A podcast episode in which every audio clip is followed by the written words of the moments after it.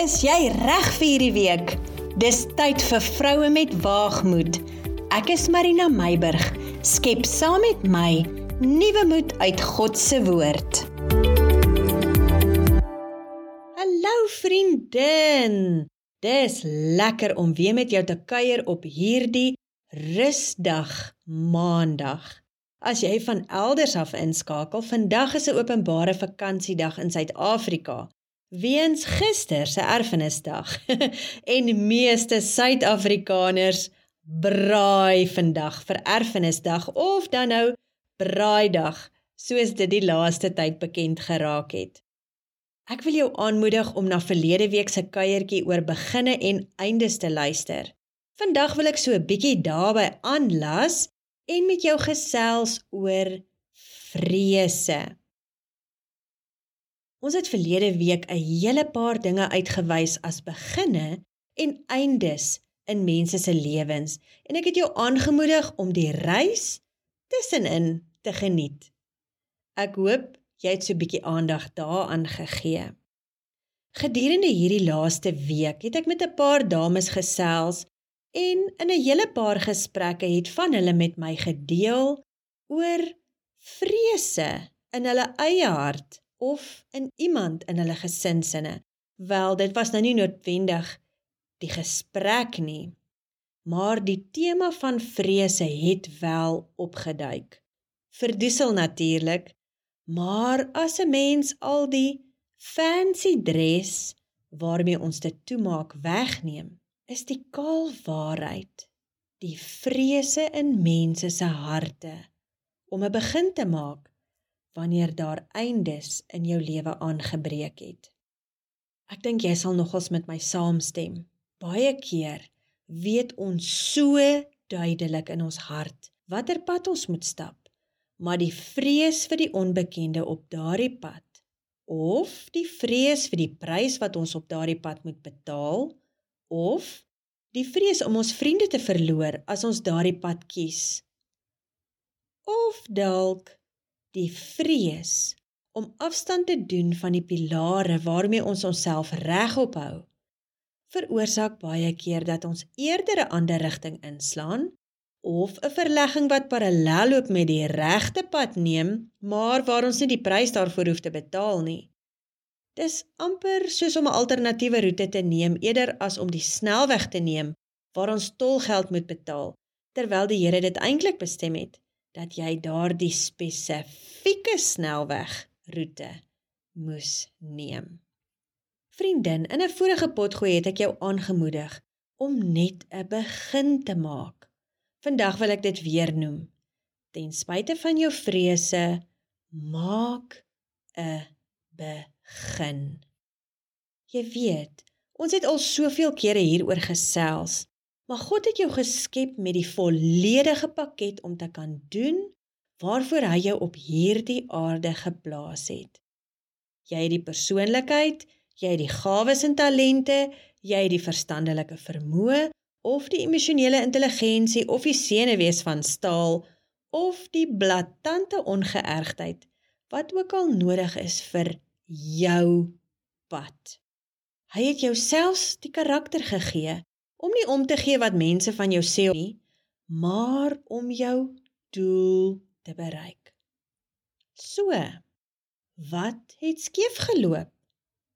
Wat het gebeur dat jou waagmoed verdwyn het? Wat laat jou afdraai paaie en verleggings en alternatiewe roetes kies eerder as God se pad? Vrees. Een aand kom Fanie by die huis nadat hy werkers huis toe geneem het. Dis nou al 'n hele paar jaar terug. Hy vertel toe geskok vir my van iets wat hy oor die radio gehoor het. Ek kan nou nie meer onthou of dit 'n inbelprogram of 'n onderhoud was nie. In elk geval, 'n man het vertel dat hy glad nie die Here wil dien nie want die Christene met wie hy te doen het, is almal arm. Hierdie man vertel toe hoe verskriklik ryk hy is en wat hy alles doen vir ander maar uit sy vrees dat hy arm gaan word as hy die Here begin dien, kies hy om eerder nie die Here te dien nie. Hoeveel ander is daar wat weet dat hulle weet hulle weet hulle moet 'n spesifieke beroep beoefen om daar vir die Here ambassadeur te wees of 'n spesifieke posvlak beklee of iets spesifiek moet doen maar uit vrees vir wat hulle in die proses kan verloor kies hulle om eerder die stem van God stil te maak in 'n lewe. Hoe vermaard arm is ek en jy as ons God se stem in ons lewe moet stil maak? As ek dink dat ek weg van God af moet leef, dat ek nie sy stem kan hoor nie, dat ek nie die leiding van sy gees in my lewe ervaar nie, voel ek eintlik paniekerig, doelloos, brandarm en selfs verlate. Ek kan myself nie 'n lewe sonder God voorstel nie. Ek kan my dit nie eers indink nie. Daar is niks op hierdie aarde wat werklik vrede en rus in 'n mens se lewe bring soos God nie. Daar is geen liefde wat 'n mens kan ervaar wat jou tevrede laat voel buiten die besef van God se liefde vir jou en my nie. Vriendin, daar is niks groter as God nie. Daar is ook niks beter as God nie. Donderdag het Fanny dit so mooi saamgevat in sy potgooi oor God kom altyd terug. Luister dit gerus. God het jou en my geskep en ongeag hoe ver ons van hom af wegdwaal, die sonde wat ons doen of hoe ons hom ontken. Dis nou my eie begrip en weergawe van sy woorde. Jou siel sal altyd soekend wees na jou Skepper. God het jou gemaak en ongeag die keuses wat jy in jou lewe maak, jy sal altyd terughinker na hom.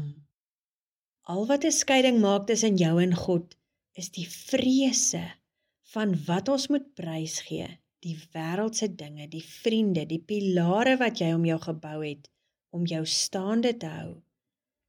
Maar die kale waarheid, vriendin, is dat al hierdie dinge nie vir jou ware vrede, ware liefde, ware vreugde en 'n ware gevoel van behoort bring nie. Daar, wanneer jy eenkant en alleen is, waar jy nie nodig het om 'n masker vir ander te dra nie, daar waar jou siel alleen na God verlang, daar in daardie eerlikheid besef ek en jy dat dit net God is en hy alleen wat jou volkome kan vrymaak van al die window dressing en die plastiek leefstyl van die alternatiewe roetes, die verleggings en die afdraaipaaie wat ons in ons lewe neem. Vriendin, al is God se pad soms moeilik En al val ons ons knieë soms nerf af op God se pad, is daar geen beter plek as binne sy plan nie. Het jy nou al mooi daaroor gedink wat se pryse daardie verleggings, afdraaipaaie en alternatiewe roetes van jou verg? O nee, eintlik betaal mens nie daar pryse nie. Jy betaal daarin konsekwensies, gevolge. Wat eintlik humoristies is hieroor, is dat wanneer die tekkie die teer slaan, dan weet ons baie vinnig om God te soek. Is dit nie waar nie? Dan wil ons oor lyndrade spring om vinnig op sy pad te kom, want die konsekwensies wat dan baie hard aan ons lywe terwyl ons te vreesagtig was om net die prys vir God se pad te betaal. Die ironie is dat God vir ons genade gee en aan ons hulp verleen om die pryse te betaal wat op sy pad opduik. Maar mhm, mm en dis die waarheid vir ons eie konsekwensies. Is die konsekwensies die baas? En daar betaal jy die volle prys met rente. Wat is dan beter? Kyk, ek is jammer vir myself Laat ek dit nou maar sommer so blaatant sê vir oggend. Ek loop veel eerder God se pad en betaal die nodige pryse met sy genade en sy voorsiening as om die volle prys met rente te betaal vir my eie konsekwensies. Dit is nie so lekker nie. Goed. Dis nou eers genoeg van paaie en pryse en konsekwensies.